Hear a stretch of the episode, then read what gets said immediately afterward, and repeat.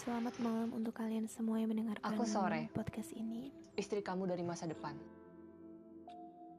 Jadi, malam ini saya ingin membahas tentang suatu tema yang mungkin sudah tidak asing lagi.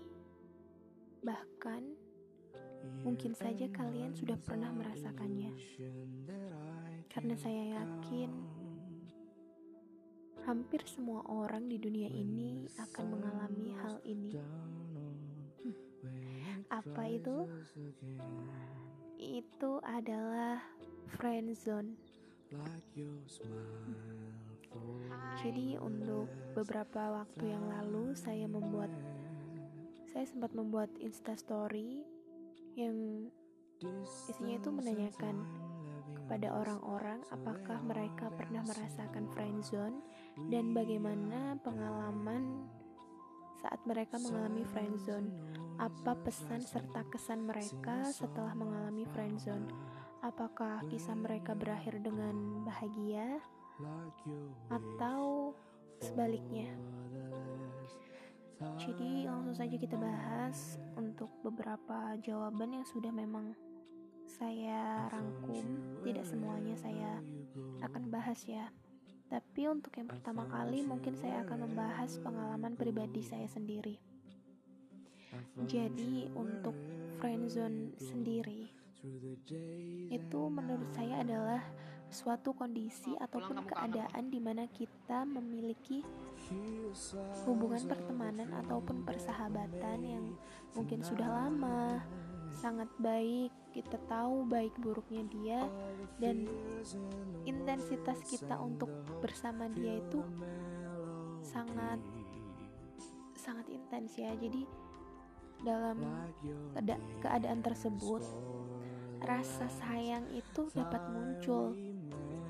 Tapi bukan rasa sayang sebagai sahabat ataupun teman, tapi lebih dari itu beberapa waktu yang lalu sudah lama sih sebenarnya saya sendiri pernah merasakan hal tersebut. Awalnya memang kami berteman baik. Dia selalu ada untuk saya sebagai sahabat. Dan hampir ke mana-mana kami selalu berdua tapi hal itu terjadi hanya sampai titik di mana ada salah satu oh salah satu ya. Ada beberapa teman kami yang memang sering ya namanya teman kan. Jadi kayak lingkaran pertemanannya itu kayak woi lo pacaran entah sama dia? Woi lo ada hubungan apa sama dia? Nah itu. Jadi kayak hal yang seperti itu mungkin bisa memicu kita sadar wah kita udah beda nih rasanya sama dia. Jadi waktu itu saya lebih memilih diam dan introspeksi diri saya sendiri. Ada apa nih? Kenapa jadi gini?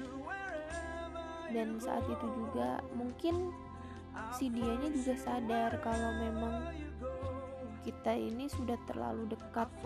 Jika dikatakan sekedar sahabat. Dan entah dari mana kesepakatan itu terjalin kita saling memberi jarak satu sama lain. Untuk memberi jarak itu memang kami cukup lama ya seperti kita itu canggung untuk saling menyapa. Jangankan menyapa, untuk saling bertemu saja gitu. Itu rasanya, duh, kenapa dia lagi? Oh my god, kenapa harus dia yang di sini? Soalnya tuh kita memberi jarak, tapi kita memang ingin benar-benar menjauhinya, tapi alam tidak mendukungnya ya nggak mungkin juga sih yang namanya teman sahabat tiba-tiba langsung jauh. Itu emang nggak bisa. Jadi kita memang pernah ya untungnya ya pernah pernah berpikir dewasa kita membicarakan hal tersebut dengan lapang dada saya mengungkapkan apa yang saya rasakan tapi bukan menyatakan cinta hanya sekedar kamu kenapa gitu. Kamu kenapa? Dan dia cerita cerita tentang ya yang mungkin dialami dan saya juga memahami hal tersebut. Dan saya juga menceritakan saya berbagi cerita tentang apa yang saya rasakan kepada dia. Kami saling terbuka dan sebab itu kami jadi lapang dada lapang dada untuk berjanji tidak akan ada kerenggangan lagi di antara kami. E, kerenggangan yang membuat kami itu tidak menjadi dekat sebagai sahabat karena ukuran kasih sayang itu kan tidak harus selalu dengan hubungan yang lebih dari sahabat ya dan friendzone itu juga bisa menyerang ketika kita sedang duduk di bangku SMP, SMA, kuliah, bahkan sampai kita kerja. Dan untuk saya sendiri friendzone itu terjadi ketika ketika kapan ya? Udah lama banget sih soalnya.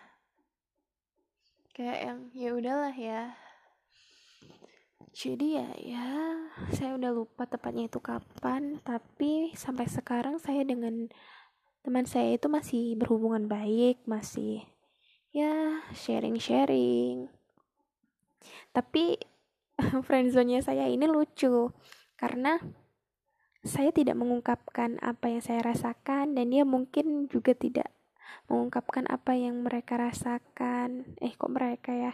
Ya dia rasakan. Mungkin saja kan. Um, dia suka sama saya tapi saya nggak suka. Atau saya suka dengan dia tapi dia juga nggak suka gitu. Ya wajar sih namanya kayak ya saya juga kurang paham sih sejauh apa sih rasa yang dikatakan itu sudah menjangkau pada kata friendzone yang jelas memang benar. Uh, prinsip yang dia pegang lebih baik menjadi sahabat untuk saat ini karena kita kan tidak tahu ke depannya itu akan seperti apa. Jika memang kita sudah berjodoh mau kita sahabat mau kita orang yang belum kenal pasti akan kembali ke kita gitu. Jadi saya belajar dewasa dari dia. Sebenarnya bukan dari dia ya dia adalah salah satu orang yang dihadirkan Tuhan untuk menjadi pelengkap proses mendewasanya saya kala itu gitu. Emang sih nggak enak banget kalau friendzone tuh kita mau ketemu, kita mau tegur sapa itu jadi canggung. Kita ngelihat dia dengan teman kita sendiri yang lain, mungkin ataupun bukan teman dekat kita, tapi kita kenal dengan orang itu, kita jadi jealous, kita pokoknya kita jet banget lah kalau ngeliat dia itu sama orang lain gitu. Padahal kan kita belum ada hak ya atas dirinya gitu itu sih dari pengalaman saya pribadi. Dan untuk pengalaman teman-teman dari instastory saya uh, di sini saya akan uh, membahas beberapa aja. Nggak semua. Jadi yang pertama nih adalah dari orang. Katanya dia pernah merasakan friendzone berakhirnya sedikit kurang bahagia. Uh, ada pesan dari si penjawab katanya udahlah nggak usah friendzone friendzonan udah kehilangan sahabat kehilangan cinta ujungnya sengsara. Uh nyakit ya ternyata friendzone itu. Jadi mungkin yang dia rasain itu friendzone yang mungkin memang ujungnya itu nggak bahagia. Dia berpisah dengan temannya.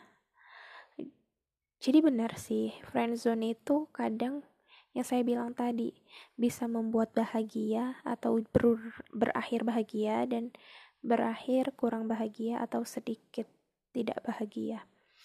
Karena begini prinsip perempuan dan laki-laki itu kan beda. Perempuan itu sangat sensitif akan perasaannya. Jadi kalau apalagi nih ya, kalau perempuan itu yang lebih dulu merasakan jatuh cinta kepada teman lelakinya ataupun sahabat lelakinya.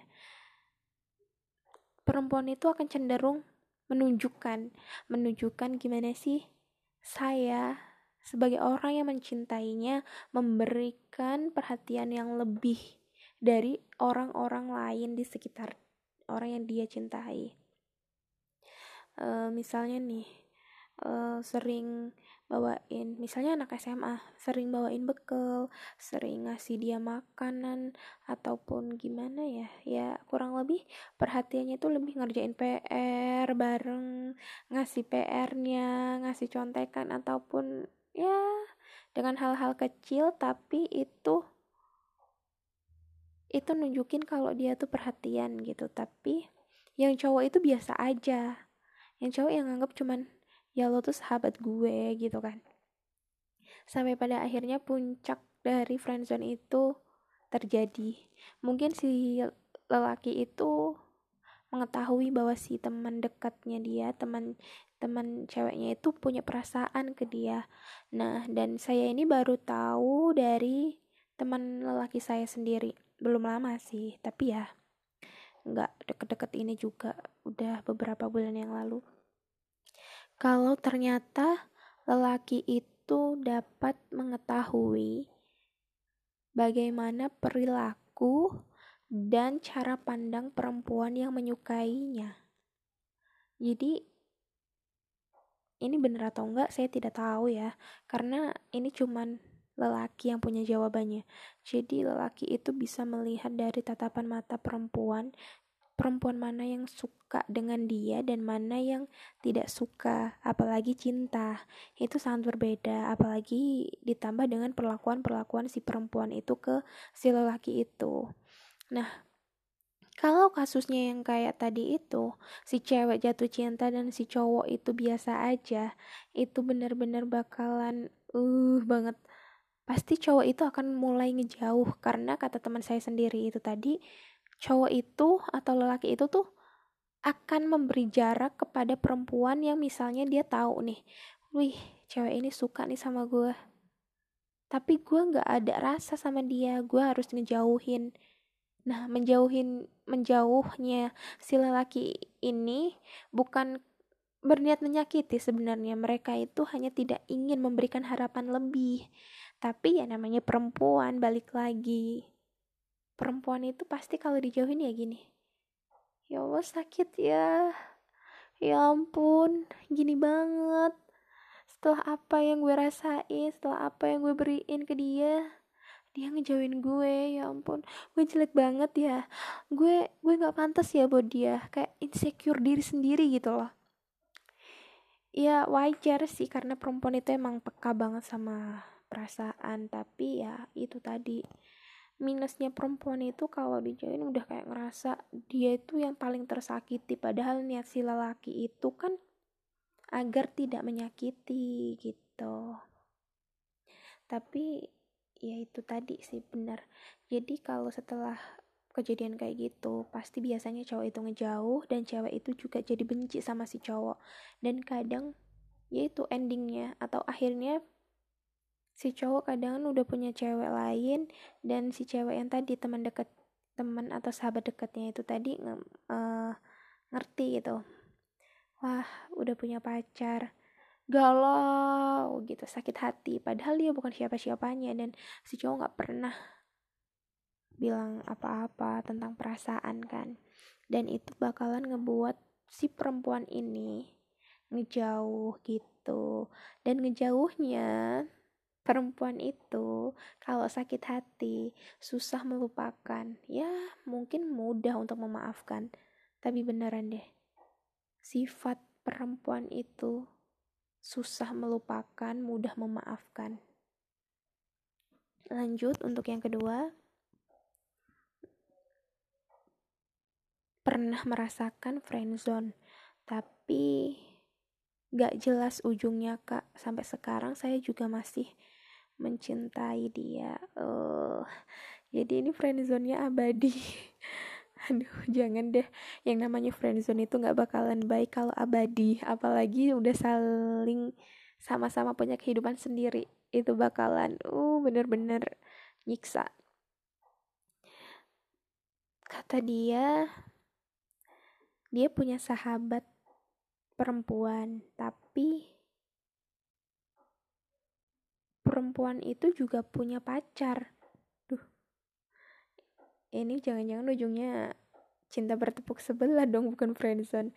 Nah, kita bacain lagi. Oh jadi jadi si perempuan udah punya pacar. Putus nyambung putus nyambung gitu. Dan akhirnya si perempuan itu putus benar-benar putus dari pacarnya dan mulai deket sama sahabatnya ini. Tapi udah deket lama si lelaki itu ngerasain perasaan yang berbeda. Dia ingin menjadi sosok pengganti pacarnya si perempuan tadi itu. Tapi tapi apa ini? Tapi si perempuan itu seperti suka seperti tidak. Duh, ngawang dong. Jadi si perempuan ini nggak ngasih ngasih kepastian ya kepada si cowok ini. Jadi mereka katanya menjalani hubungan ya udah. Kita saling berteman. Dan sampai sekarang juga masih berteman. Wah ini mah hubungan tanpa status. Duh, kasihan banget ya. Jadi yang kedua cuman kayak gitu sih. Katanya pesannya nggak usah friendzone kak. Nyesek banget di hati karena nggak ada kepastian. Uh siap untuk yang terakhir nih yang saya ingin bahas ini menarik sebenarnya. Ya semuanya menarik sih. Jadi yang terakhir ini happy ending berakhir bahagia. Berakhir bahagia. Uh, pesannya friendzone itu menarik kak. Friendzone itu unik katanya Iya unik karena kamu itu berakhir bahagia Gak tahu yang lainnya jadi mereka ini udah berteman dari zaman TK. Jadi zaman TK ya. TK saya dulu belum kenal cinta sih sebenarnya. Oh iya dia satu sekolah TK, satu sekolah SD, berpisah di SMP, lalu bertemu lagi di bangku SMA dan pada akhirnya selama mereka berteman kurang lebih beberapa tahun akhirnya mereka oh iya iya ya jadi kalau yang cerita ketiga ini memang benar-benar ya seperti kisah uh, film teman tapi menikah. Jadi promosi karena filmnya bentar lagi tayang uh, mereka ini udah berteman dari TK dari TK satu SMP satu SD satu SMP beda SMP tapi satu SMA maaf. Dan mereka itu mulai merasakan friendzone itu dari SMA ternyata. Ya kadang memang SMA itu benar-benar masa-masa di mana kita saling ngerasain cinta, benci, ambisi, putus asa itu benar-benar kerasa banget sih di SMA dan kisah yang ketiga ini katanya benar-benar sampai mereka kuliah itu masih mungkin beda universitas. Jadi sini nggak nggak dikatakan mereka satu universitas atau enggak tapi sampai kuliah mereka memang masih berteman baik masih sering jalan bareng walaupun nggak tiap hari. Dan pada akhirnya si lelaki ini mengungkapkan perasaan kepada si perempuan dan si perempuan itu ternyata juga merasakan hal yang sama, yaitu sama-sama saling jatuh cinta, dan pada akhirnya mereka berpacaran. Oh, romantis sekali. Tapi kok kayaknya datar aja ya. Waktu ngebaca juga, oh bahagia ya udahlah ya. Memang yang menarik tuh kalau friendzone itu berakhirnya nggak bahagia. ya mungkin yang saya dapat dari friendzone ini atau keadaan di mana kita suka dengan sahabat kita sendiri itu ada dua pilihan yang pertama kita mengungkapkannya dengan segala resiko yang akan kita dapatkan baik itu penolakan penerimaan bahkan sampai pemutusan hubungan walaupun itu hanya sekedar teman yang kedua adalah memendam. Tapi untuk memendam rasa itu percayalah itu akan sulit. Karena yang saya rasakan sendiri sampai saat ini ya kurang lebih seperti itu. Friendzone yang berakhir tanpa tanpa ending. Jujur untuk orang yang tipikalnya seperti saya itu benar-benar susah untuk melupakan satu orang yang benar-benar kita rasa itu tuh orangnya pas banget, klop banget. Tapi kembali lagi percaya sama Tuhan bahwa semua semuanya yang kita anggap baik, kita anggap ini nyaman, dia pantas buat kita, itu bisa aja beda dengan garis kehidupan dari Tuhan. Jadi yang saya lakukan saat ini ya hanya bisa memendam perasaan serapat-rapat mungkin karena saya khawatir jika memang suatu saat nanti teman saya itu tahu akan banyak sekali hal-hal yang terjadi. Bahkan untuk dijauhi itu mungkin saja terjadi. Tapi semoga semoga tidak ya.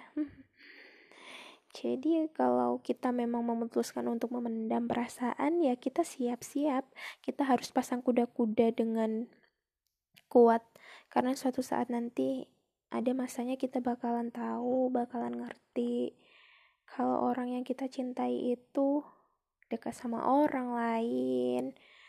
Entah itu teman kita sendiri, entah orang yang udah punya pacar LDR terus deket sama teman kita itu entah sama temen masa kecilnya dia ya kita nggak ada hak gitu. Kita nggak ada hak atas dirinya dan kita hanya bisa mencintainya. Karena yang saya pegang teguh adalah prinsip prinsip yang seperti ini yang saya pegang teguh.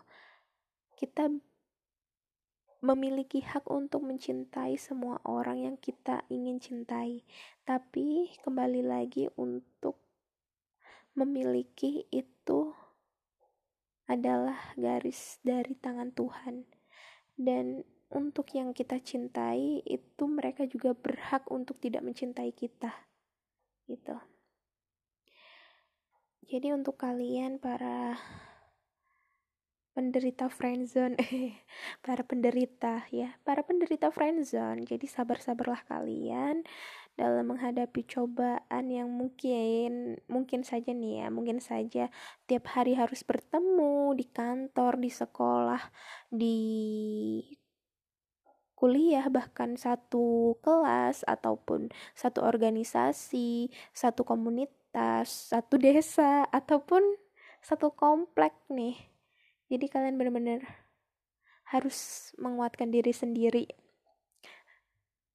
Tapi saya akui orang yang mengalami friend zone dan lebih memilih untuk memendam perasaannya itu benar-benar orang yang hebat. Orang yang kuat, orang yang setia. Meski harus berkali-kali patah dan terluka, kalian adalah manusia-manusia hebat. Dan saya berdoa semoga malam ini karena malam ini masih hujan karena saya percaya bahwa doa di saat hujan itu tidak akan pernah ditolak. Jadi saya berdoa untuk penderita friendzone yang mungkin saat ini sedang memendam perasaannya. Semoga kelak orang yang kalian cintai itu merasakan ya, sama seperti saya dan setelah dia tahu ya seperti harapan kita, dia kembali membalas apa yang kita rasakan. Membalas di sini tentunya dengan saling cinta bukan bukan membalas yang akhirnya itu hmm, tidak bahagia ya karena apa pun yang terjadi itu bisa berubah karena doa yang selalu kita pinta. Jadi, untuk para penderita friendzone, mendewasalah dan satu kata untuk kalian, kalian manusia-manusia hebat. See you.